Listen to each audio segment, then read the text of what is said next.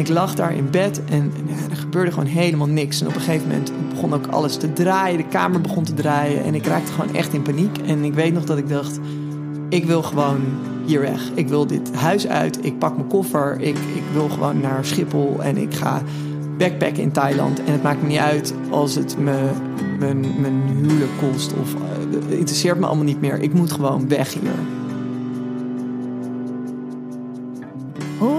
Welkom bij seizoen 3 van Potnataal. De podcast waarin je vrouwen puur en eerlijk over een van de belangrijkste gebeurtenissen in hun leven hoort vertellen: de bevalling. Laat je inspireren, voel je gesteund en verbonden met al deze geweldige vrouwen. Ik hoop dat dat is wat je haalt uit deze podcast. Ik ben Simone Wijnands. Dit is het verhaal van Anneke.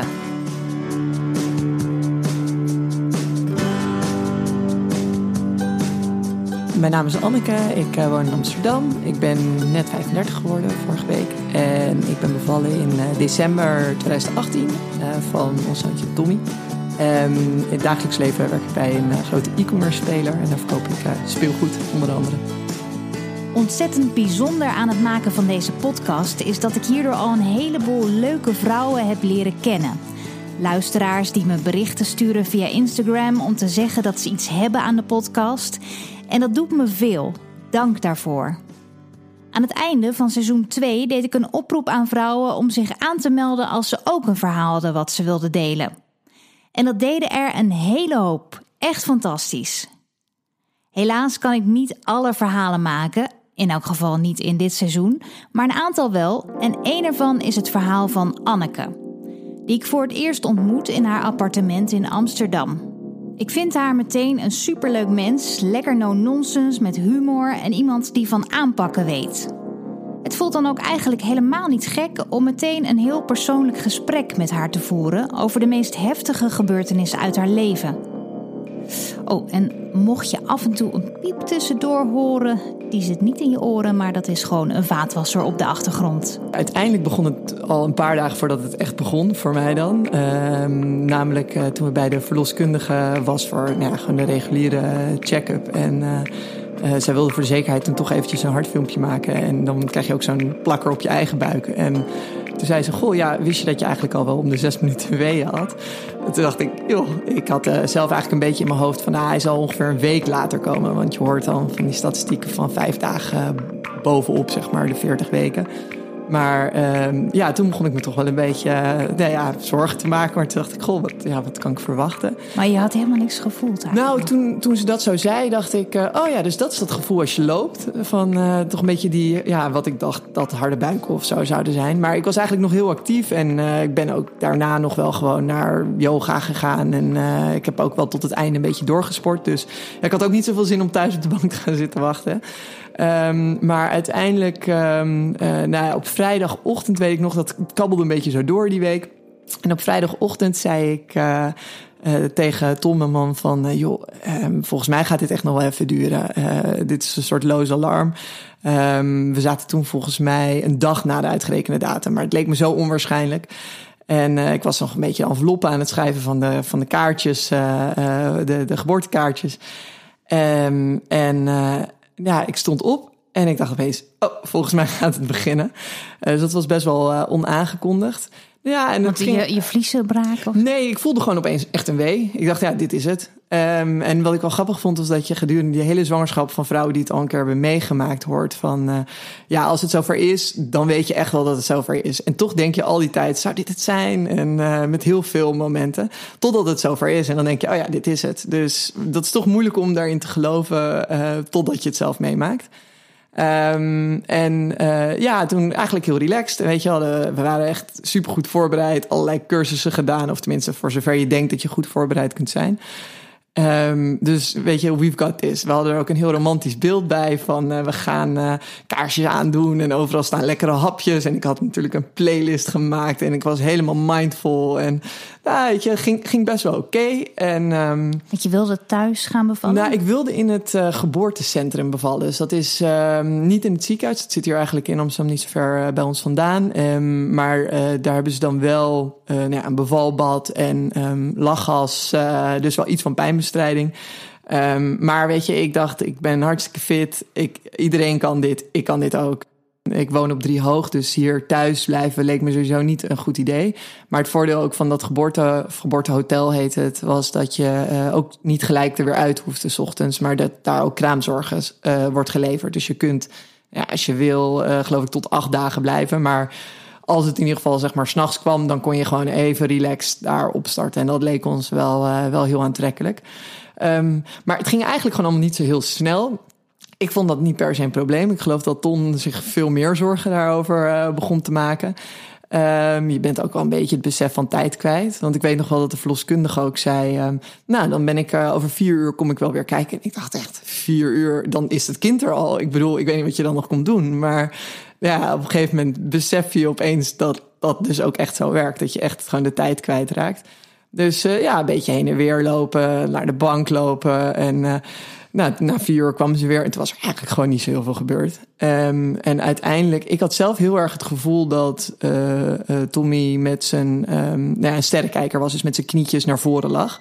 Want ik voelde continu eigenlijk um, nou, gewoon best wel veel beweging aan de voorkant van mijn buik. En ik dacht, dit zijn gewoon knieën en enkels. En Um, die ligt zeker niet. Uh, hij, ik wist wel dat hij goed lag met zijn hoofdje naar beneden, maar die ligt zeker niet met zijn rug naar de voorkant van mijn buik.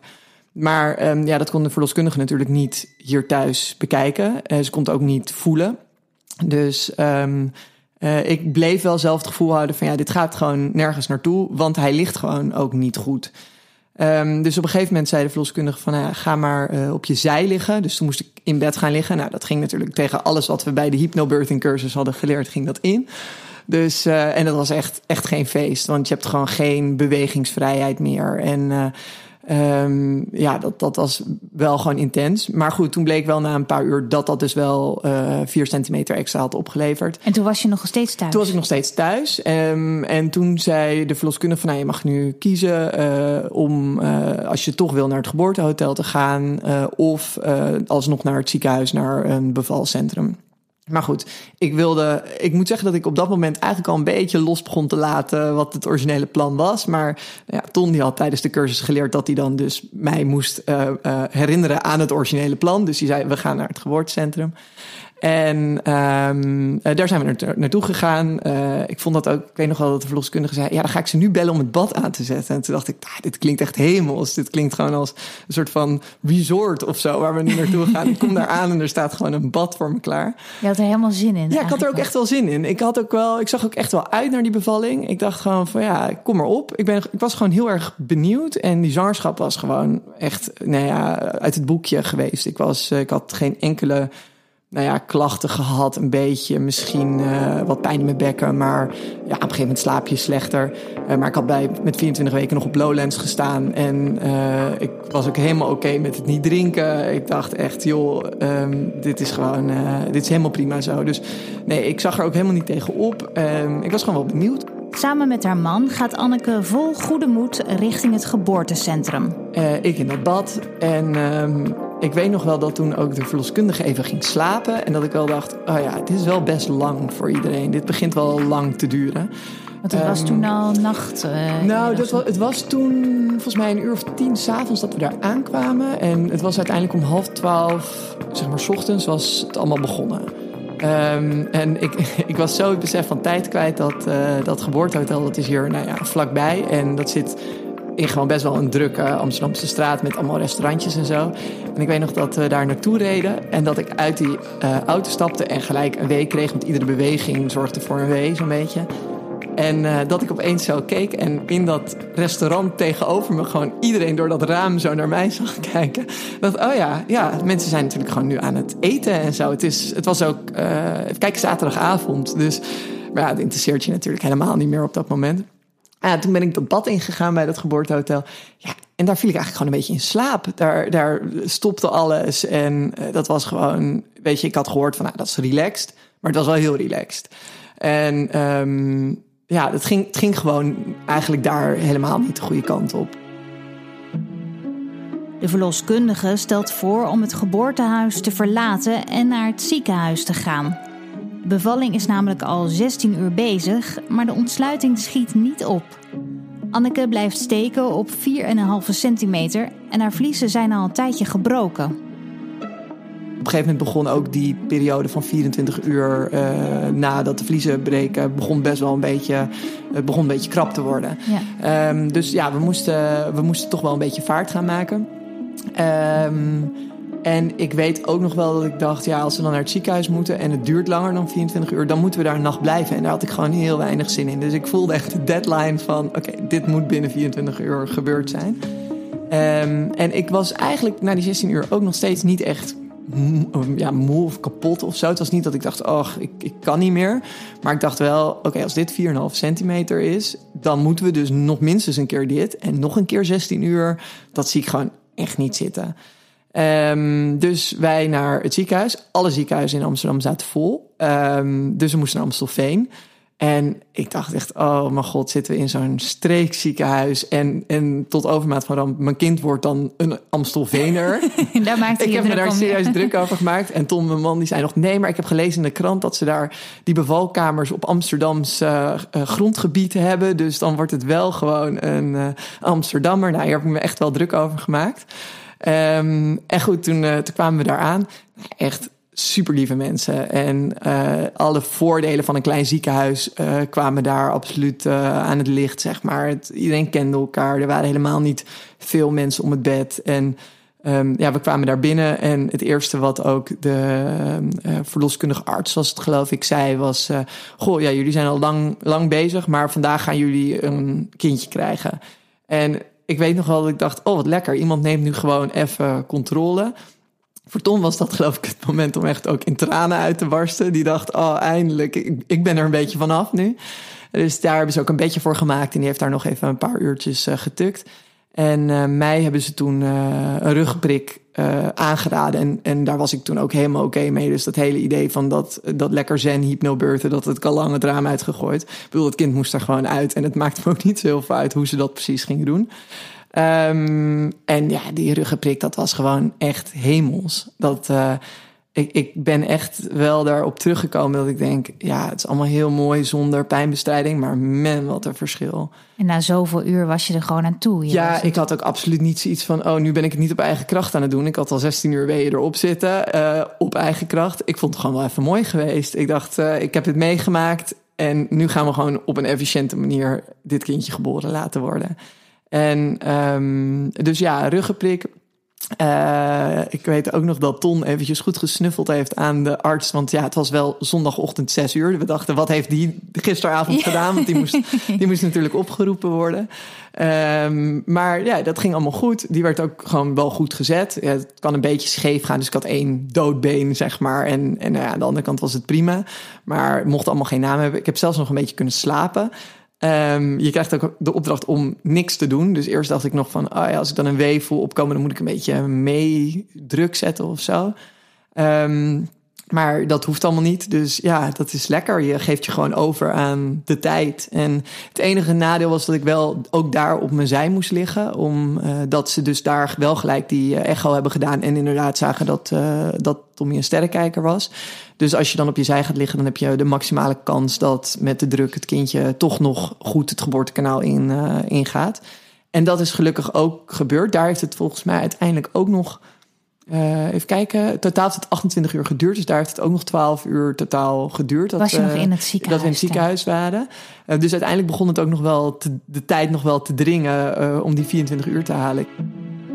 De tijd dringt, maar Anneke is niet in paniek. Ze krijgt weeënopwekkers toegediend ook iets waarvan ik dus van tevoren dacht, um, ja, dat wil ik echt niet. En daar dacht, joh, gooi die pomp gewoon vol open. Hij moet er gewoon uit. Um, en het idee van een weeënstorm, ja, ik, het zal vast verschrikkelijk zijn. Maar toen dacht ik, dat klinkt als een efficiënte manier om op 10 centimeter ontsluiting te komen. Mooi hoe je steeds je grenzen aan het verleggen bent eigenlijk. Ja, hè? ja echt uh, zo anders dan wat ik van tevoren had bedacht. Um, en uh, nou, uiteindelijk ging, ging de laatste paar centimeters echt super snel. Binnen, nou ja, binnen een uur of zo was er uiteindelijk nog drie centimeter bij. En uh, dat was ook wel een verrassing uh, voor de verloskundige daar. Um, en het goede nieuws was ook dat Tommy in die periode net gedraaid was. Dus toen het persen eenmaal mocht beginnen, lag hij er gewoon goed voor. En toen mocht inderdaad het, het, ook beginnen. En ze hadden me dus wel voorbereid op dat dat lang zou worden, omdat het een sterrenkijker was. Maar dat, het, dat ze wel dachten dat het natuurlijk zou lukken. Um, maar uiteindelijk is het iets meer dan een uur geweest. Um, wat daar nog wel, uh, wel grappig aan was, is dat ze uh, eigenlijk al na een paar keer persen zeiden van... Oh, je doet het supergoed, uh, je bent er bijna. En dat ik dacht, nou top, dit gaat snel. En ik dacht, dit heb ik ook wel verdiend, weet je wel. Ik ben al 27 uur bezig. Het zou mooi zijn voor het verhaal als het persen gewoon dan met drie keer gelukt is of zo. Um, en, uh, maar dat was dus nog een uur uiteindelijk. Nou ja, dat hele, we zijn er bijna, dat was gewoon motivational speaking of zo. Want uh, uh, toen, toen ik dat de tweede en de derde keer hoorde, dacht ik, ho ho, we zijn er dus helemaal niet bijna. Dit zeggen jullie gewoon tegen mij. En later hoorde ik ook van Ton dat hij op dat moment dacht, ja, hier, hier hebben ze je niet, niet goed ingeschat. Want jij hebt dat sowieso door. Dus uh, uh, ja, op een gegeven moment probeerde ik dan wel een beetje andere, andere dingen te horen. Van uh, oké, zien we al een hoofdje? Of um, ja, wat, hoe ver zijn we nou daadwerkelijk? Want we zijn er bijna. Dat, dat, dat slaat dus kennelijk Maar had je niet het gevoel op een gegeven moment... oh, dit gaat nooit meer lukken, dit gaat niet? Nou ja, nee, ik had wel het idee... want ik had wel gehoord dat bij een eerste uh, een uur persen echt niet gek was, zeg maar. Dus um, nee, ik had niet het idee van hij komt er nooit uit. Um, maar, en ik vond het persen ook wel, weet je, je, dat hoor je volgens mij wel vaker. Ik vond het ook wel, wel fijn, want je kon gewoon iets doen. Je kon eindelijk gewoon echt goed kracht zetten. En um, gewoon eruit helpen, zeg maar. Dus nee, dat, uh, daar, ik, ik was er wel oké okay mee. En de ruggenprik, die zetten ze dan wel uit? Ja, die zetten ze dan uit. Um, maar uh, ja, ik had dus dat ene dode been. Daarin duurde het wat langer uh, om, om, om het uit te laten werken. Um, dus er was één uh, stagiair, geloof ik, die had gewoon als taak mijn been omhoog houden, zeg maar. Mijn been vasthouden, want dat viel gewoon om anders. Um, dus dat was ook iets wat in mijn geboorteplan stond van geen stagiairs. Maar nu zou ik denken, joh, zoveel als mogelijk, want ze kunnen allemaal iets doen. Als de halve straat ervoor ja, staat, maakt het je ook niet meer uit. Iemand nee. die je glaasjes water aangeeft, iemand die je been vasthoudt. Dus uh, nee, dat was echt helemaal prima. Um, en ook uh, Ton die had, we hadden van tevoren afgesproken van... jij blijft een beetje bij het hoofdeinde staan... want je hoeft dat allemaal niet per se te zien. Uh, maar die is op een gegeven moment toch omgelopen... en die zegt echt van ja, dat is het meest magische... wat ik ooit, uh, ooit gezien heb. Um, dus ja, ook dat is anders gelopen dan we van tevoren verwachten. Maar uh, ja, uiteindelijk weet ik ook nog dat ik... Uh, ik had dan gehoord van uh, de, de laatste wee, zeg maar... voordat die echt geboren wordt, die moet je wegpuffen. Want dat is dan beter voor het niet inscheuren. Ja, ik dacht echt, ik weet niet wat jullie allemaal... Het maakt me ook niet uit, maar gaat er nu gewoon uit. Het idee dat je dat nog in kon houden of zo, nee, echt beyond me. Dus... Um, ik, heb dat, uh, ik heb hem uiteindelijk ook zelfs zonder W heb ik hem het laatste zetje uh, gegeven. Um, ja, dus dat, nou ja, goed, dat was lang, maar ik kijk er eigenlijk heel positief op terug. Uh, ik had niet verwacht in het ziekenhuis uit te komen, maar ja, het waren gewoon hele lieve mensen. Ik had het ook echt niet willen missen daar. Um, dus nee, ook als vriendinnetjes nu erover nadenken van, goh, hoe, moet ik, hoe zou ik het willen doen? Ja, ik heb echt alles meegemaakt en alle plekken gezien. Dus uh, nee, ik kan het wel aardig, uh, aardig nu tegen elkaar afwegen. En ik zou ook bij een volgende sowieso weer in het ziekenhuis willen bevallen.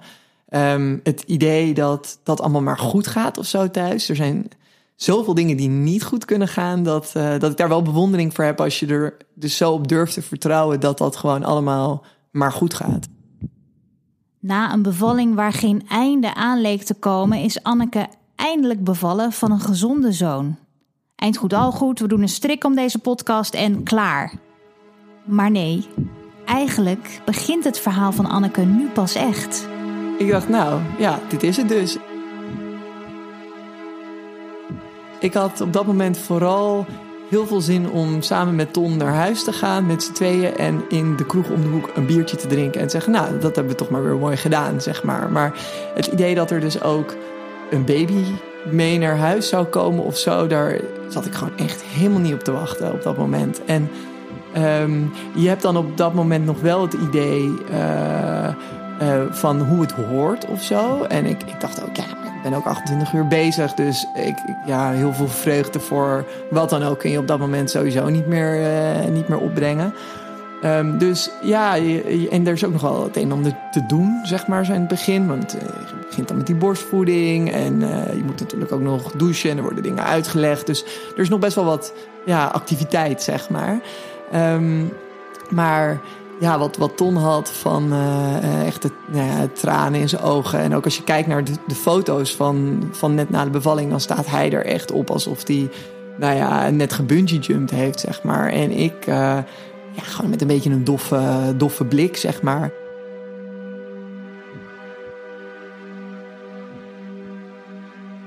Toen Anneke me voor het eerst een berichtje stuurde, schreef ze dat bij alle verhalen die ze in Potnataal had gehoord, het haar opviel dat voor elke vrouw, hoe heftig de bevalling ook was geweest, vanaf het moment dat de baby er eigenlijk was, het ook eigenlijk meteen goed ging. Dat gelukzalige moment van voor het eerst je kindje in je armen mogen houden, dat was een gevoel dat zij niet kende. Een roze wolk, zeg je? Welke roze wolk? Vanaf het moment dat haar zoontje uit haar kwam, was het alsof er een knop omging in haar hoofd. Ze kijkt naar de baby, die glibberig op haar borst ligt, en denkt: Dat hij er anders uitzag dan ik had verwacht. Niet, niet zonder oordeel of zo hoor, maar gewoon: oh ja, zo ziet hij er dus uit. En ja, niet, verder eigenlijk gewoon niet zoveel. Gewoon geen. Ik had verwacht dat er. Ik voelde wel gelijk echt heel veel verantwoordelijkheid, maar op een beetje een negatieve manier. Dus echt het blok, om, blok aan mijn been, zeg maar. Uh, het idee van: oké, nu kunnen we dus niet meer zomaar op vakantie. En we kunnen niet meer nu zomaar naar huis met z'n tweeën. En um, we moeten nu voor hem gaan zorgen. Ik kan nu niet iemand opbellen om voor hem te gaan zorgen. Want ja, het is een, een baby. Ik bedoel, je kunt hem misschien over een paar maanden een keer laten logeren ergens. Maar ja, dat is nu toch wel een beetje gek. En um, ja, dat, dat, ik, ik, had, en ik had verwacht dat er heel veel liefde, gelijk een soort van band zou zijn. Of dat had ik ook wel. Wat ik verwacht had, was dat ik die verantwoordelijkheid wel gelijk zou voelen. Um, maar dat ik ook wel gelijk die band en die liefde zou voelen, die on, onvoorwaardelijke liefde of zo. Um, en ik voelde alleen die verantwoordelijkheid. En daar raakte ik volgens wel een beetje van in paniek. Uh, niet op dat moment gelijk uh, gillende angst of zo, maar wel, oké, zo wordt het niet echt leuk. Als ik de komende tijd gewoon me verantwoordelijk ga voelen, maar niet denk, wow, wat ben jij mooi en fantastisch. En uh, ik wil de hele dag met je knuffelen of zo. Dat, dat ja, wat, dat, dat, dat, dat balanceert elkaar nou niet echt uit of zo. Als ze hadden gezegd, we nemen hem nu mee en uh, halen maar op over een tijdje. Ja, nou, ik had dat ook. Ja, ja, ja. Ik dacht ook echt. Uh, ik had het prima gevonden om hem even daar te laten. Ja, ja. Dus uh, ik had het toen op dat moment ook eigenlijk niet zo erg gevonden als we in het ziekenhuis hadden moeten blijven een nachtje. Want dan had hij gewoon lekker op de kinderafdeling gelegen en dan was ik gewoon een beetje bijgekomen of zo.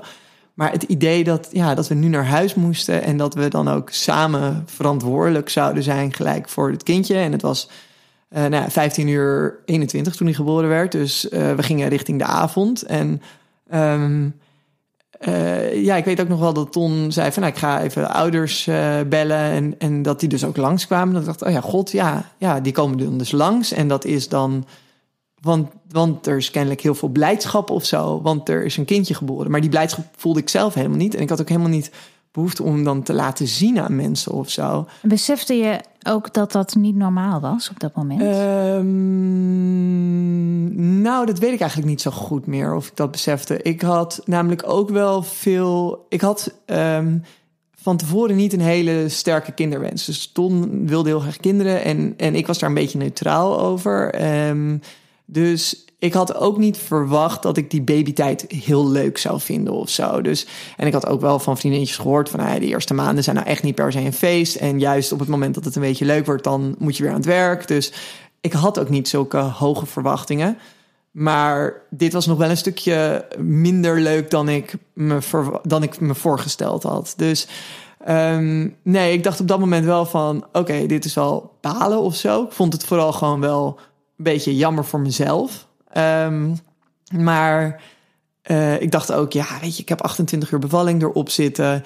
Um, ik had ook wel van de verloskundige gehoord van ja, meestal huilen mannen bij die bevalling, maar vrouwen zien weer zelden huilen. Dus ja, het leek me allemaal nog wel binnen wat normaal is. En ik geloofde ook niet zo in, weet je, het Instagram plaatje van iedereen deelt maar wat, wat fantastisch is. En um, uh, dit is kennelijk hoe het dus echt is of zo. Ze gaan naar huis met hun pasgeboren kind. De opa's en oma's komen. Ze drinken een glaasje champagne. Alles lijkt normaal.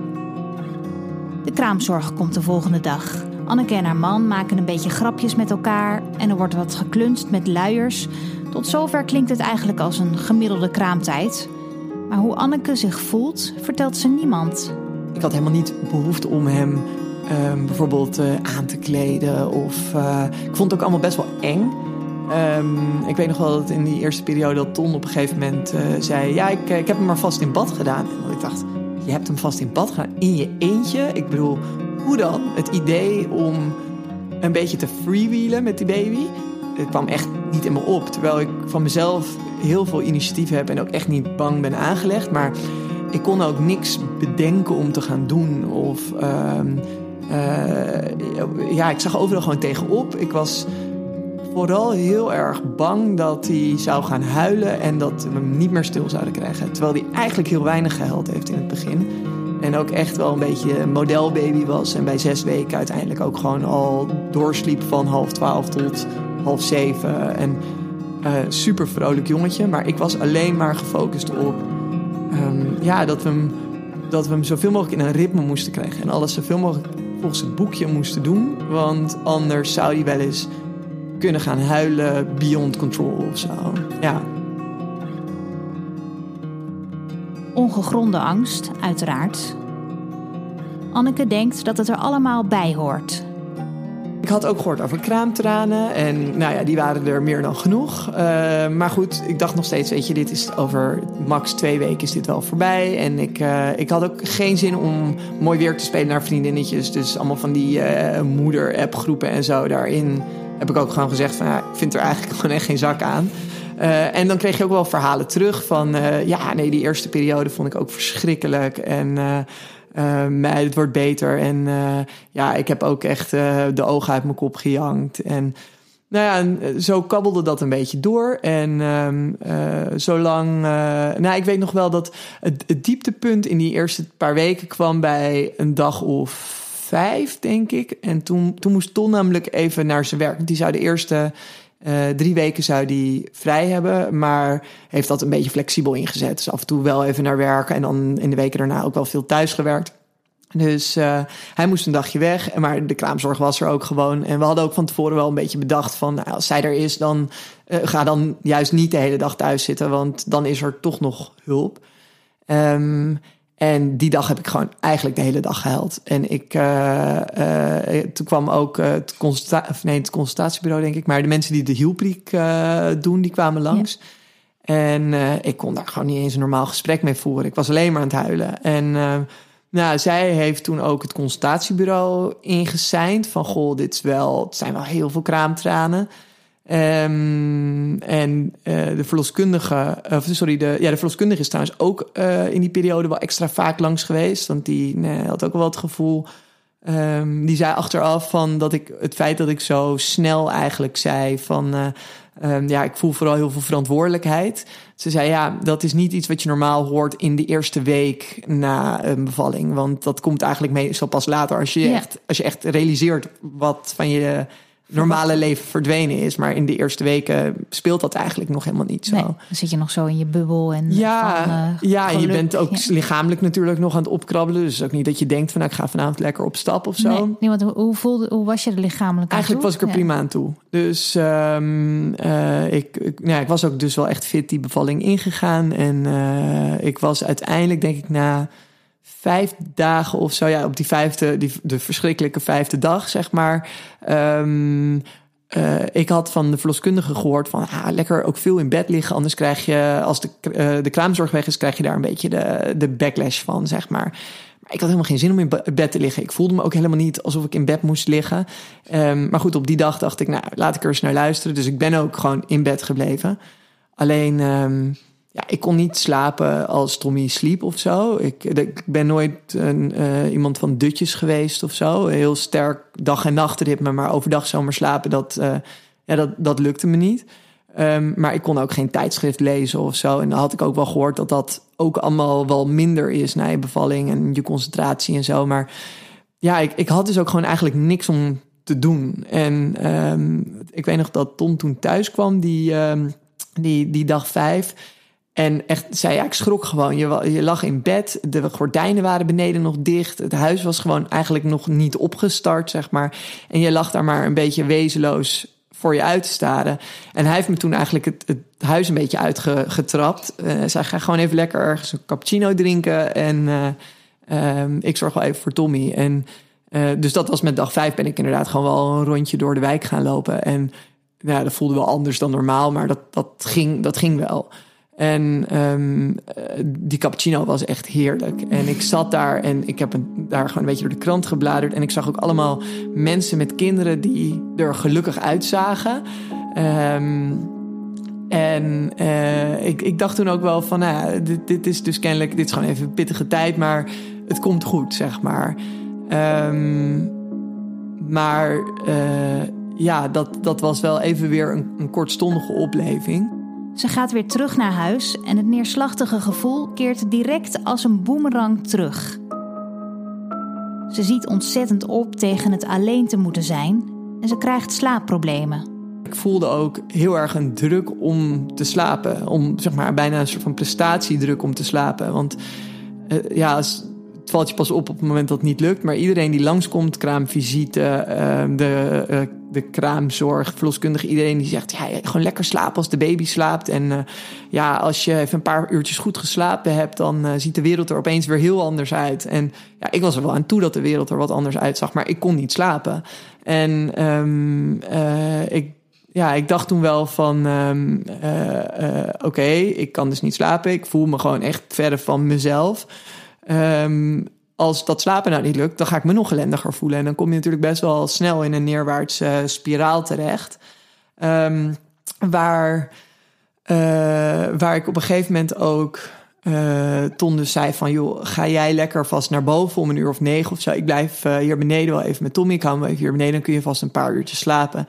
En ik lag daar in bed en, er gebeurde gewoon helemaal niks. En op een gegeven moment begon ook alles te draaien. De kamer begon te draaien. En ik raakte gewoon echt in paniek. En ik weet nog dat ik dacht: ik wil gewoon hier weg. Ik wil dit huis uit. Ik pak mijn koffer. Ik, ik wil gewoon naar Schiphol. En ik ga backpacken in Thailand. En het maakt me niet uit als het me mijn, mijn huwelijk kost. Of uh, interesseert me allemaal niet meer. Ik moet gewoon weg hier.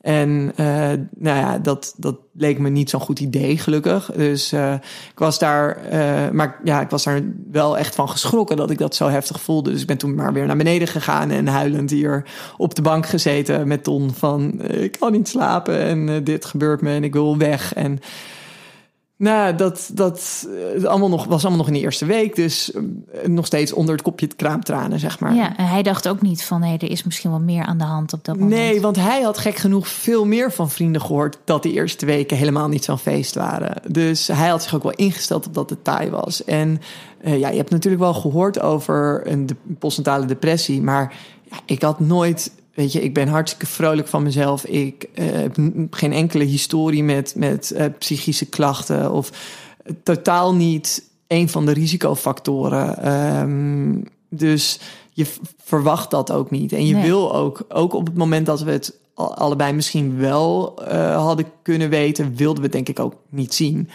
Omdat je ook gewoon nog steeds hoopt dat het over een week gewoon klaar is. Omdat het ook wel het was niet een permanente grijze deken, zeg maar. Het was um, juist ook, waren er wel leuke momenten. En zeker toen we eenmaal het huis een beetje uitgingen. Dus ik denk na een dag of zes zijn we voor het eerst een rondje gaan lopen met Tommy. En dat was dan ook gewoon echt leuk. En we hebben in die periode ook veel uh, gewoon koffie gedronken of een borrel gedronken. En dan met hem in de draagzak. En was eigenlijk Ehm, allemaal op momenten dat je dus weg was met hem weer een beetje in je Precies. normale. Dus als ik, als ik buitenshuis was of we waren binnenshuis gewoon een beetje eh, leuke dingen aan het doen. En ik was vooral ook als ik samen was met Ton, dan ehm, ging het eigenlijk gewoon goed. Ehm, maar zodra ik dus alleen was, ging het echt helemaal niet goed. En eh, in het begin zijn mijn ouders er nog een keertje langsgekomen. Maar je hebt ook wel zo'n idee van, ja, ik moet dit ook gewoon wel, wel kunnen. En ik ben normaal hartstikke zelfstandig. Ik vind het eigenlijk ook heerlijk om alleen te zijn. Ik ben, eh, ben ook enig kind, dus ik, ik, ik ben ook gewend om eh, mezelf te vermaken, zeg maar.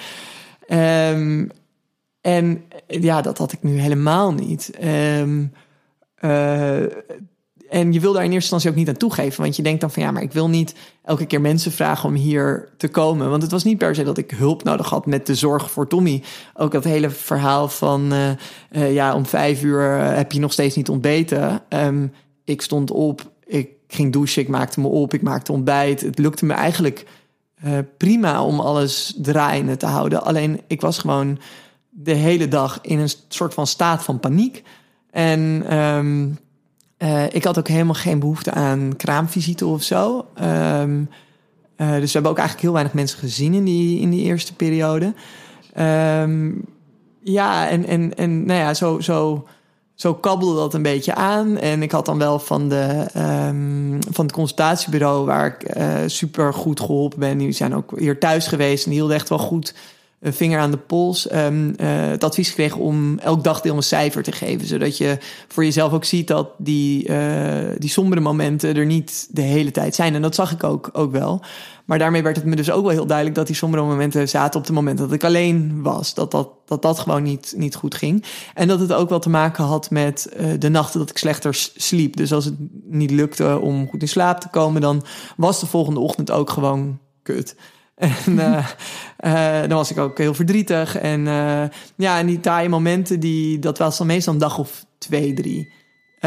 Dat, dat ging een beetje op en af. Maar dat, dat was dan een aantal echt, echt hele sombere dagen. En dan werd het ook wel weer wat beter. En dan eigenlijk op het moment dat het goed ging, gaf ik de dag ook gewoon een acht of een negen. En was ik gewoon echt wel, wel happy. En ik had ook advies gekregen om elke dag aan het einde van de dag zeg maar twee of drie dingen op te schrijven die goed gingen die dag. Maar ik had ook helemaal geen moeite om dat te zien. Ik zag allerlei dingen die goed gingen en leuk waren. Alleen ik merkte gewoon steeds meer dat ik er helemaal niet van kon genieten. Dus eh, ik voelde het gewoon helemaal niet. En ehm, nou ja, dat, dat ging zo een beetje door. En toen was het uiteindelijk een week of vijf. En toen merkte ik ook dat ik, ehm, waar het, nou ja, het inslapen nog wel redelijk ging, dat als ik s'nachts Tommy dan een flesje had gegeven, dat ik gewoon niet meer in slaap kwam daarna. Eh, en eh, dan was ik dus wakker geworden voor hem. En dan lag ik vervolgens twee uur wakker eh, daarna. En ik, het voelde ook alsof er een soort radartjes op mijn hoofd aan het draaien waren om alle mogelijke geluiden in de buurt op te vangen. Alsof ik aan het slapen was in, in een sporthal of zo. Dus heel erg exposed of zo. En ehm, ja, het lukte daarmee gewoon helemaal niet om op een relaxte manier in slaap te komen. Dus eh, na een week of vijf toen zag ik ook een beetje zo dat einde van mijn verlof in zicht eh, komen. En ik dacht gewoon, oké, ik slaap niet. Ik, ik kan ook niets bedenken waar ik zin in heb. Dus eh Tom had op een gegeven moment een keer gezegd van... joh, ehm, ik was namelijk ook gestopt toen met borstvoeding. Ook op aanraden van het consultatiebureau. Vanuit het idee, dan zijn die hormonen maar in ieder geval uit je lijf. Dus eh, laten we proberen zo snel mogelijk het weer een beetje... naar de oude situatie eh, toe te krijgen. Ehm, dus daar was ik, was ik al mee gestopt. En dat gaf eigenlijk best wel veel, ehm, vrijheid terug. Dus Tom die zei, joh, ik blijf gewoon wel eh, eh, s s'avonds met Tommy hier thuis. En ga jij lekker iets doen waar je zin in hebt. En ik weet nog dat ik dacht, iets waar ik zin in heb. Ik kan gewoon helemaal niks bedenken waar ik zin in heb. Ook bijvoorbeeld een, eh, uit eten met een vriendinnetje of zo. Het voelde allemaal gewoon als zo'n opgave. Ehm, en ja, dat was wel een moment dat ik dacht, dit is gewoon echt niet goed. En waar ik dus in het begin nog wel eens een kop koffie dronk ehm, buiten de deur, begon ik daar ook tegen op te zien. Omdat ik gewoon bang was dat als ik dan een kop koffie had gedronken, dat ik gewoon niet meer naar huis zou willen. Dat, ik, dat er een moment zou komen dat ik niet meer naar huis terug zou gaan. En ehm, nou, ik woon hier op drie hoog, dus eh, eh, je moet een aantal trappen op voordat je er bent. En ehm, terwijl ik die trappen opliep, kreeg ik ook steeds meer het gevoel van gevangenis. Zeg maar. Het begon me steeds meer te beklemmen van... oh ja, dan ben ik zo meteen weer omhoog gelopen... en dan kom ik weer ja, die gevangenis in. Het begint steeds meer te dagen dat die gevangenis vooral in haar eigen hoofd zit. Na vijf weken aanmodderen is Anneke er klaar mee. Ze realiseert zich dat het echt niet verder kan zo. Tommy doet het ondertussen hartstikke goed. Plichtmatig verzorgt ze haar pasgeboren baby, die verder niets tekort komt. Luier verschonen, een beetje spelen, een flesje. Als het takenlijstje is afgewerkt en Tommy ligt te slapen, wordt ze weer geconfronteerd met hoe slecht ze zich eigenlijk voelt. Vervolgens in de uren die daartussen zaten, zat ik me gewoon best wel ongelukkig te voelen. En dan deed ik soms maar weer eens een poging om te slapen, die dan mislukte. En uh, um, ik weet ook nog wel dat op een gegeven moment een keer een vriendinnetje langs zou komen. Om half twee of zo. En daar had ik gewoon zo naartoe geleefd. Dat ik dacht, oké, zoveel uur totdat zij komt. En dan um, uh, daarna is het nog maar een paar uur totdat, uh, totdat Ton thuis komt. En meestal waren sowieso de ochtenden ook zwaarder dan de middagen. Want in de ochtend lag die hele dag gewoon nog voor je. En in de middag was de dag alweer bijna voorbij. En um, ik weet nog wel dat zij toen afbelde omdat ze ziek was of omdat haar kindje ziek was of zo. Maar eigenlijk gewoon best wel een goede reden om niet te komen. En dat ik echt, ik kon het gewoon niet aan. En ik heb toen mijn vader gebeld van papa wil jij langskomen? Want ik moet nu nog veel meer uur alleen zijn en ik trek het gewoon niet. En hij is toen langskomen, was hij ook binnen een uur.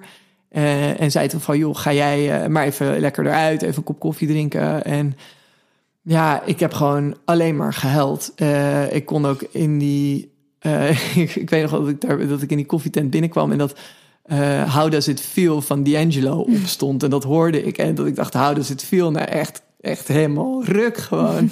dus, uh, en het was natuurlijk middenwinter, dus het was een uur of vijf denk ik. En nou ja, dan ben je natuurlijk, zit je in een soort van vissenkom, want buiten is het donker en iedereen kijkt die verlichte ruimte in. En ik, ik, ik, ik schaamde me kapot, want ik zat daar gewoon de ogen uit mijn kop te huilen. Toen ben ik daarna maar door naar de Albert Heijn om daar wat te eten te halen. En ook daar, ik werd ook helemaal draaierig van... Ik, ik kon gewoon niet meer stoppen met huilen.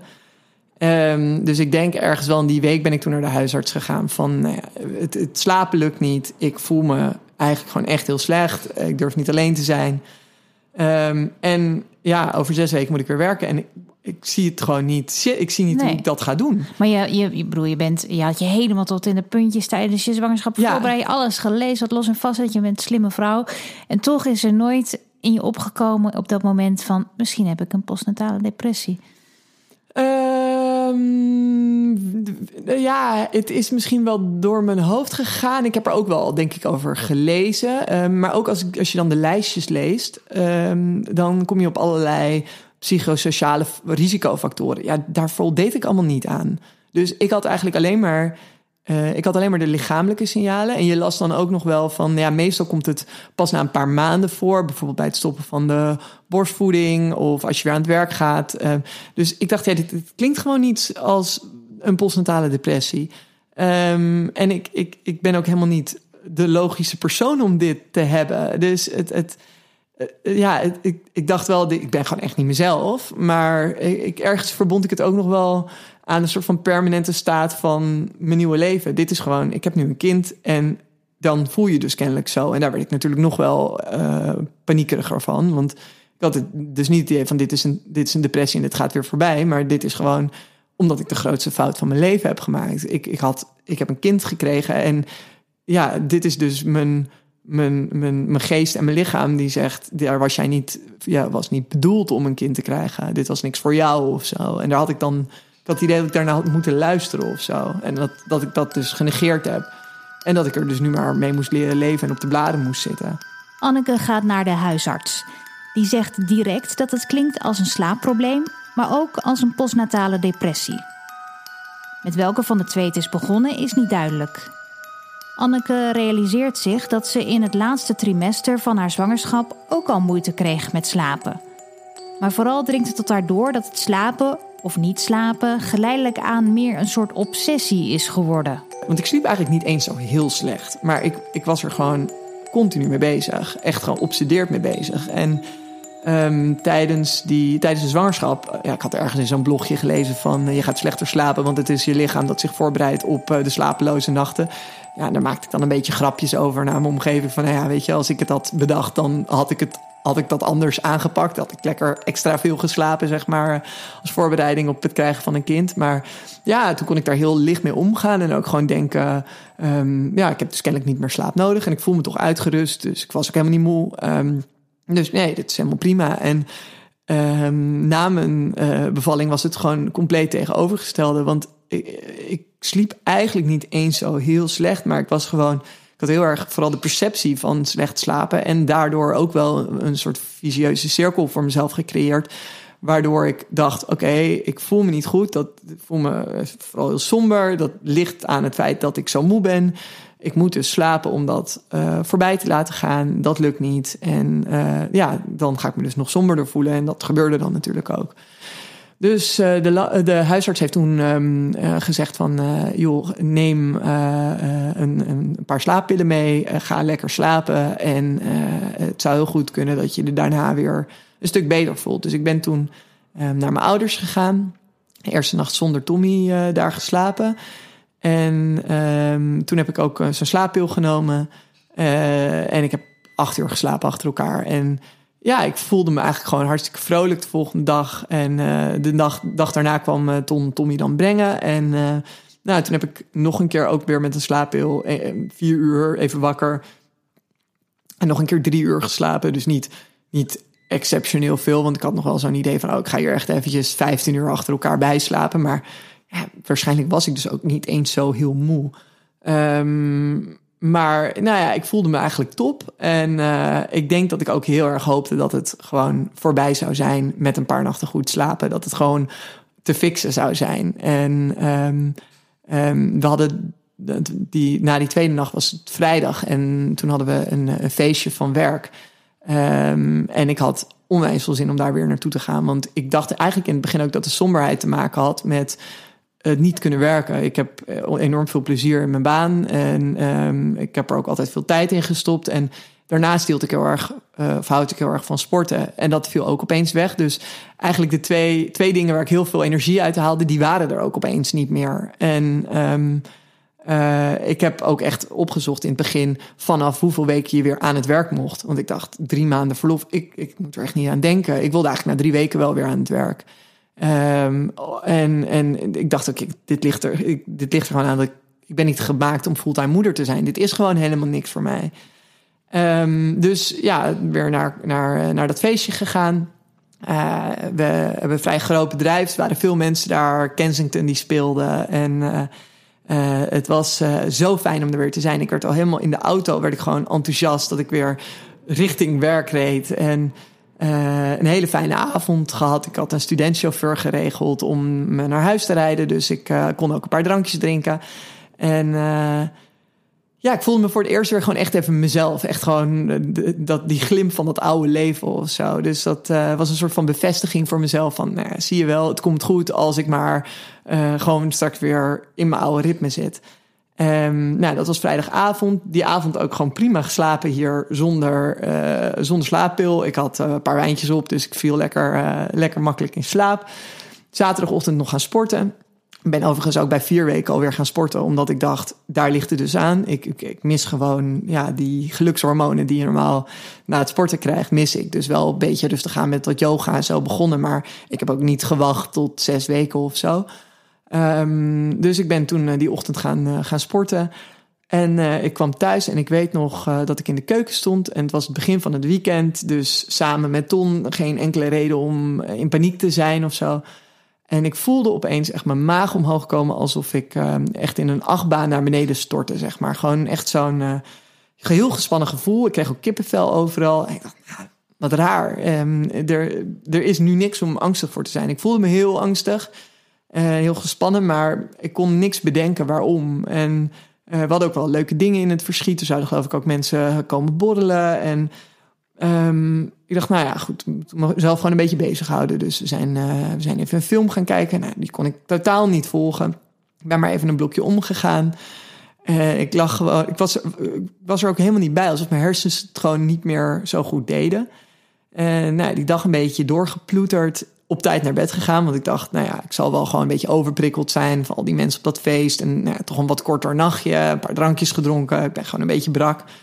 Ehm, en ik kon nog wel in slaap komen. En uh, daarna uh, om 12 uur Tommy een flesje gegeven. En ik lag in bed en uh, er gebeurde gewoon helemaal niks. Maar gewoon echt helemaal niks. Echt alsof gewoon de slaapknop kapot was, zeg maar. En um, nou ja, probeert een beetje rustig te zijn. En ik heb best wel veel aan yoga gedaan altijd. Dus ik, uh, ik was uh, mezelf helemaal uh, ontspannen aan het maken. Ik probeerde mezelf in het matras te voelen. En meteen te, ont... te liggen. Ja. Precies, meteen, meteen te ontspannen en mijn vingers te ontspannen. En ik heb aan...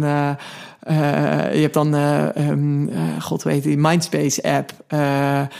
geluisterd naar zo'n saai verhaal over een tropisch eiland en mijn koptelefoon op. En nou ja, zo was ik op een gegeven moment twee uur verder en er gebeurde gewoon niks. En uh, nou, maar een slaappil genomen. Um, want mijn angst was heel erg dat ik dan aan die slaappillen verslaafd uh, zou worden. Ik had er zo'n soort van Amerikaans filmbeeld bij. Dat ik helemaal, helemaal stoned boven dat wiegje zou hangen. En, en een soort, ja, zo'n Amerikaanse moeder. Helemaal middelenafhankelijk uh, afgestompt.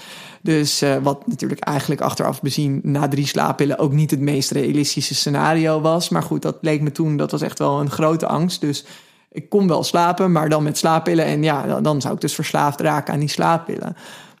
Dus uh, slaappil genomen, nog steeds niks. Ik werd alleen wel helemaal soort van gevoelloos, zeg maar. Dus je kunt dan ook niet meer echt even een boek lezen of iets van een film volgen of zo.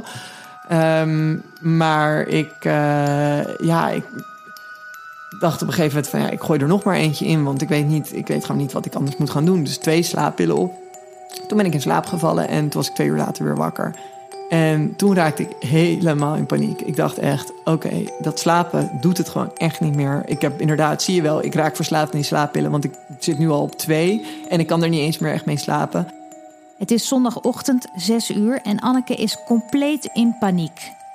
Ze maakt haar man wakker die zich rot schrikt en ze weet niet waar ze het zoeken moet. Ze voelde me zo bedreigd en zo onwijs eenzaam en onveilig dat ik um, ja, ook mijn ouders maar heb gebeld. En die zeiden, ja, we weten ook niet zo goed wat we moeten doen. Bel de huisarts maar. Nou, het was zondagochtend, dus uh, de huisartsenpost gebeld. Um, en uh, ze zeiden toen ook van nou, bellen je over een half uur terug. Dat leek echt een eindigheid. Ik dacht over een half uur, hoe kom ik dit half uur door? En um, toen werd ik gebeld door een uh, vrouwelijke huisarts die uh, gelukkig toen heel goed omschreef wat ik voelde. Van je voelt, je misschien heel bedreigd. En toen dacht ik, ja, dit is de spijker op zijn kop. En dat gaf me wel een soort rust van oké, dit is kennelijk zoiets iets raars, maar kennelijk eh, zo, zoiets specifieks, maar iets wat zij direct herkent. Dit hoort bij een ziektebeeld. Zeg ja, maar. er is iets. Er is dus iets ja, ja. met me aan de hand. En zij heeft toen um, oxazepam voorgeschreven, kalmeringsmiddel. En uh, dat ben ik toen gaan ophalen bij de ziekenhuisapotheek. Ook echt met, met die slaappillen op in de auto gestapt. Maar het interesseerde me allemaal niet meer als ik maar gewoon die pillen kreeg. En uh, toen daarmee uh, thuis op de bank gaan zitten. En daar werd ik gelukkig een beetje rustiger van. En toen zijn mijn ouders me komen halen. Ja, dat was ook wel het moment dat ik me realiseerde van het is gewoon echt, echt mis. En dit is ook niet, dit komt ook niet over een week weer goed. En dit is ook niet op te lossen met een paar nachten goed slapen. Um, en, op het, en, en ik denk op het moment dat ik dat aan mezelf ook heb toegegeven toen. En dus ook de hulp van mijn ouders heb ingeroepen toen kwam het er eigenlijk echt uit. Uh, je bent dan nog met, met de energie die je hebt of zo, ben je nog een beetje een vangnet voor jezelf aan het creëren. En als je opeens je omgeving uh, daarvoor hebt ingeschakeld, dan kun je dat zelf laten vallen of zo. Dan kun je dat loslaten. Ze gaat met haar ouders mee, die haar liefdevol in huis nemen. Haar man blijft thuis met hun zoontje. Alleen blijven is op dat moment geen optie meer voor Anneke. Want ik durfde gewoon niet alleen in bed te liggen. Uh, ik, uh, ik had ook helemaal geen eetlust meer. Dus ik, ik, had ook eigenlijk weinig meer. Um, en ik was ja, toch met enige regelmaat wel echt in paniek aan het raken. En dat was wel nieuw, zeg maar. Eigenlijk de eerste echte paniekaanval achteraf gezien was denk ik wel al na een dag of vijf in bed toen ik het huis uit wilde vluchten. Maar dat heb ik toen niet als zodanig herkend. Um, maar uh, vanaf het, eigenlijk die eerste paniekaanval in de keuken, s ochtends, kwamen ze wel met enige regelmaat. En die somberheid was nog wel te doen. Maar, want daarvan kon ik dan nog wel, ik ben gewoon heel rationeel ingesteld. Dus ik, toen ik ook eenmaal het label erop had geplakt van een postnatale depressie, kon dat ook vrij snel zeg maar, accepteren als gewoon een fysiek medisch probleem. Ehm, want uiteindelijk komt het gewoon door een, een, tekort aan serotonine, onder andere in je hersenen. Uh, en dat, ja, dat stofje dat werd gewoon niet goed aangemaakt. Um, dus, uh, en, dat, en, en ik denk juist ook door al die fysieke symptomen is het ook makkelijker om dan te accepteren dat dat door iets medisch zeg maar, komt. Dat uh, als ook je eetlust weg is en je, en je slaap ontregeld is, uh, dan ja, ik, ik kon goed accepteren dat dat gewoon iets, iets raars was. En ook omdat het eigenlijk zo direct na de bevalling al was begonnen. Het was gewoon echt een verschil van dag en nacht met nou ja, een, een, een dag voor en een dag na de bevalling. Dus er was gewoon iets kapot. of ja. er was gewoon iets niet goed in, in mijn hersenen. Um, en dat moest weer uh, in balans komen. Maar ja, hoe lang dat ging duren, geen idee.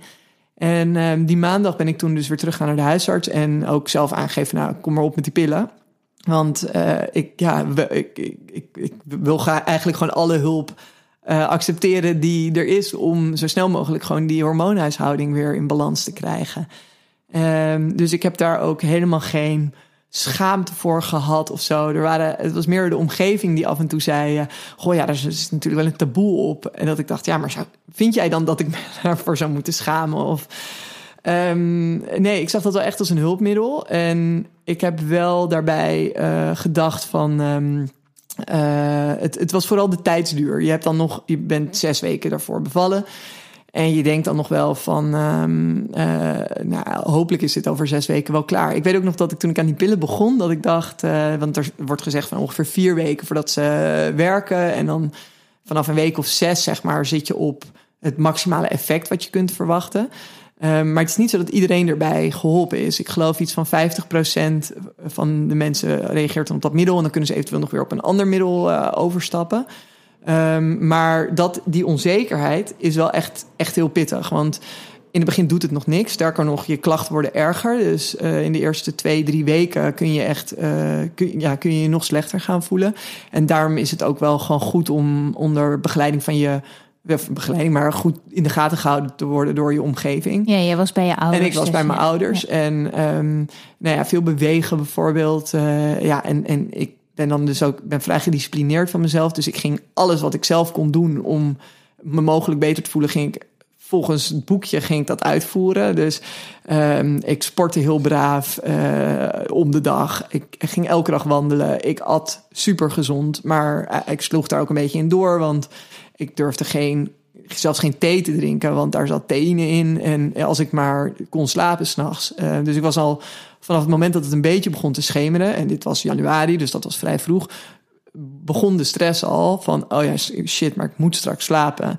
En um, uh, nou, dat gebeurde, dat moest dan altijd met een slaappil, maar ja, ik, ik durfde gewoon niet alleen in bed te liggen. Dus in het begin hadden we dan met mijn ouders dan de, de oplossing dat mijn moeder dan na een half uurtje even kwam kijken of ik sliep. En dat vond ik dan een hele fijne gedachte. Dat ik, als ik dus wakker zou liggen, dat, ik, dat iemand dan langs zou komen. Terwijl, als ik er nu over nadenk, denk ik, ja, je kunt ook je bed uitstappen. Maar dat, ja, er kwam was dan, gewoon geen optie. was geen optie, want ik was zo bezig met, ik moet dan gaan slapen.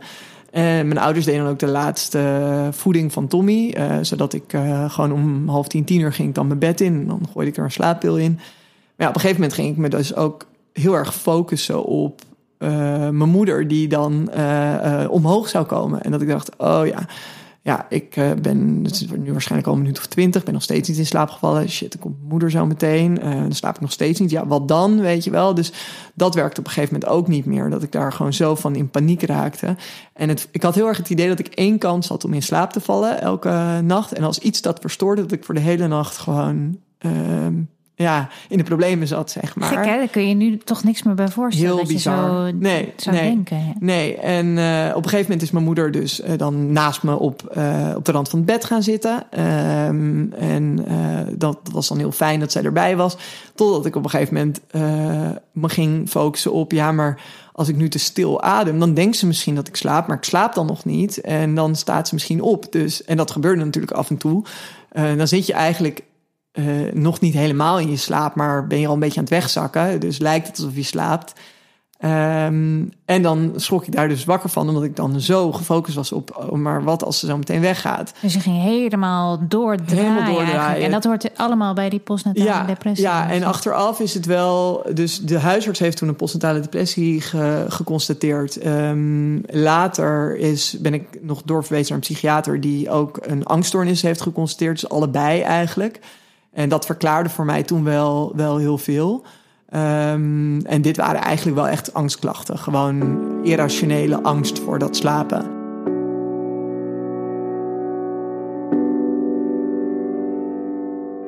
Dankzij de hulp van haar ouders, de steun van haar man, medicatie en behandelingen bij de psychiater en slaaptherapie krabbelt Anneke langzaam op. Er komen steeds meer dagen waarop ze zich beter begint te voelen. Door de week is ze bij haar ouders, in het weekend in haar eigen huis. Ze eet weer en heeft weer aandacht voor andere dingen, zoals het kopen van een paar nieuwe schoenen of een lunch buiten de deur. Dankzij alle zorg lukt het haar om eindelijk ook te gaan genieten van haar kind. de mooiste momenten ehm, die er waren op zo'n dag waren de momenten dat hij wakker was. En dat ik gewoon met hem kon spelen. En ik heb ook nooit, weet je, dat, dat hele Carice van Houten idee van de gelukkige huisvrouw. Van je stopt je kind in een doos of zo. Dat is gewoon, dat is echt niet wat het is. Dat, dat is een postnatale psychose. En dat komt gelukkig maar één op de duizend keer, eh, bij één op de duizend vrouwen komt dat voor. Ehm, dus dat is wel een beetje het beeld wat ik er zelf van Ja. tevoren van had. Maar dat is gewoon, dat, dat is heel onterecht. Ehm, en eh, er zijn juist veel vrouwen die overbeschermend worden naar hun kind. Die helemaal doordraaien omdat ze bang zijn dat hun kind iets overkomt. En dat, dat heb ik niet gehad. Maar ehm, nee, ik, ik genoot toen wel van hem eindelijk. Voor, voor het eerst, zeg maar, eh, lukte het om, om van hem te genieten... en niet bezig te zijn met, oh jee, wat als hij gaat huilen. Stukje bij beetje vindt Anneke in de afgelopen maanden steeds meer van zichzelf terug. Ze is inmiddels ook weer volledig aan het werk en haar medicatie is afgebouwd. Ze voelt zich weer de oude. Ik geniet misschien nog wel meer van het leven dan hiervoor, omdat je ook van heel veel dingen weet dat ze niet meer niet vanzelfsprekend zijn. En ik ben me nooit bewust geweest van mijn geestelijke gezondheid. Dat is gewoon iets wat je, wat je van, voor vanzelfsprekend aanneemt, zeg maar, ehm, totdat het opeens niet meer is.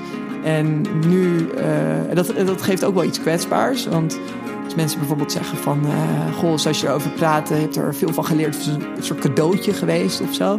Dan denk ik, nou, ik had het echt liever overgeslagen. Want ik heb gewoon het zwartste deel van mijn ziel gezien. Wat ik gewoon, waarvan ik liever niet had geweten dat het er was. Maar ik weet nu dat het er is. Maar ik weet ook dat het voor ieder ander er ook is. En ik wist gewoon alleen niet dat het er was. En dat is ehm, ja, een stukje informatie wat je een beetje een plek moet geven. En daar heb ik ook met, eh, in gesprek met een psycholoog ook, wel hulp bij gekregen.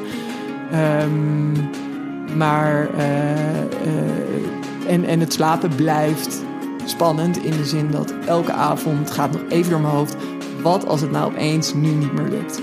Eh, zonder reden. Dus ik heb ook wel eens nachten slechter geslapen omdat ik een wijntje te veel had gedronken. Of Ja, want Ehm, iedereen slaapt uiteindelijk Iedereen wel eens slaapt wel eens een nacht slecht, ja. Ehm, eh, maar gelukkig weet ik dus wat de succesfactoren voor lekker slapen zijn. Dus kan ik dan ook denken, oh ja, maar ik heb ook, weet ik veel, tot te laat doorgewerkt. Of ik, eh, eh, ehm, ik heb wat veel gedronken. Of eh, ik heb nog te laat gesport. Of, dus dan, zolang ik het dan maar kan verklaren voor mezelf, is het ook wel oké. Ehm, maar waar ik nog steeds bang voor ben, is opeens die nacht zonder reden slecht slapen. Eh, en dat is me ook al wel eens gebeurd. En dan is er wel, is, vind ik het de nacht daarna nog weer spannender. Omdat ik dan denk, oh jee, als het nou twee nachten in een rij zijn, wat als dat dan Als weer. het nooit meer zo wordt. Ja, als het weer het begin van een terugval is. En ik Ja. weet dat een terugval heel onwaarschijnlijk is, omdat eh, in principe een postnatale depressie van alle vormen van depressie eh, eh, de ja, diagnose met het gunstigste vooruitzicht is. Ehm, in principe gaat het altijd weer over. Je hebt een kans dat je het weer opnieuw krijgt bij een tweede zwangerschap. Maar het, het gaat weer voorbij. En ook als je geen medicijnen zou slikken of geen therapie, gaat het uiteindelijk voorbij. Maar duurt dat gewoon langer. Ehm, dus het, het, eh, het idee dat ik weer een depressie zou krijgen los van een bevalling, daar ben ik eigenlijk niet zo bang voor. Tot slot, we zouden het bijna vergeten. Hoe gaat het met die kleine Tommy? Ja, supergoed. Ja, dat is eigenlijk uh, vanaf het begin uh, gewoon een super vrolijk mannetje geweest. Die heel goed sliep en heel goed at. En ja, echt de zogenaamde lokbaby, zeg maar. Die uh, lokt in het hebben van, krijgen van nog een tweede kindje. Maar um, in het begin zeiden dan ook wel mensen tegen me van... ja, maar hij is natuurlijk zo, mak zo makkelijk omdat, hij, omdat jij het zo zwaar hebt. Dus hij voelt dat je niet meer aan kan. En daar ging ik dan natuurlijk nog harder van huilen. Want dan dacht ik, oh, hij kan niet eens zichzelf zijn. En nu denk ik, ja, we hebben gewoon een heel makkelijk kind gekregen. Wat een onzin.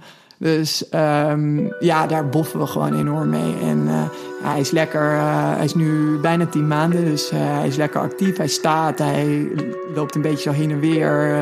nog niet echt aan het lopen, maar Vanochtend wees hij voor het eerst naar iets. Uh, we hebben hem hoera geleerd. Wel gelukkig. Uh, nou ja, uh, Ton is ongeveer een week begonnen voor mijn verjaardag met oefenen van hoera en dan armpje in de lucht. En vijf dagen na mijn verjaardag is het echt gelukt. Dus ja, dat zijn gewoon superleuke dingen. Je hoorde het verhaal van Anneke. Vergeet niet om Podnataal een 5-sterren recensie te geven in iTunes. Want op die manier zorg je ervoor dat nog meer mensen deze podcast makkelijk kunnen vinden en zodat hij ook door kan blijven gaan. En als je je abonneert, dan krijg je altijd een melding als er een nieuwe aflevering is. Wil je mij een persoonlijk bericht sturen naar aanleiding van deze podcast? Doe dat dan via mijn Instagram-account, @simonewijnands Podnataal is te beluisteren via alle beschikbare podcast-apps en natuurlijk via dag en nacht. Doei, tot de volgende. Ik zou ook absoluut niet willen dat hij er nooit is geweest. En, en ik heb ook het gelukkig nooit zijn schuld gevonden. Dus uh, dat, ja, dat, dat, dat, dat kon ik altijd wel gewoon goed scheiden. Dit is gewoon iets wat mij is overkomen. En dat heeft gewoon, is gewoon botte pech geweest. Uh, en daar heeft hij niks mee te maken.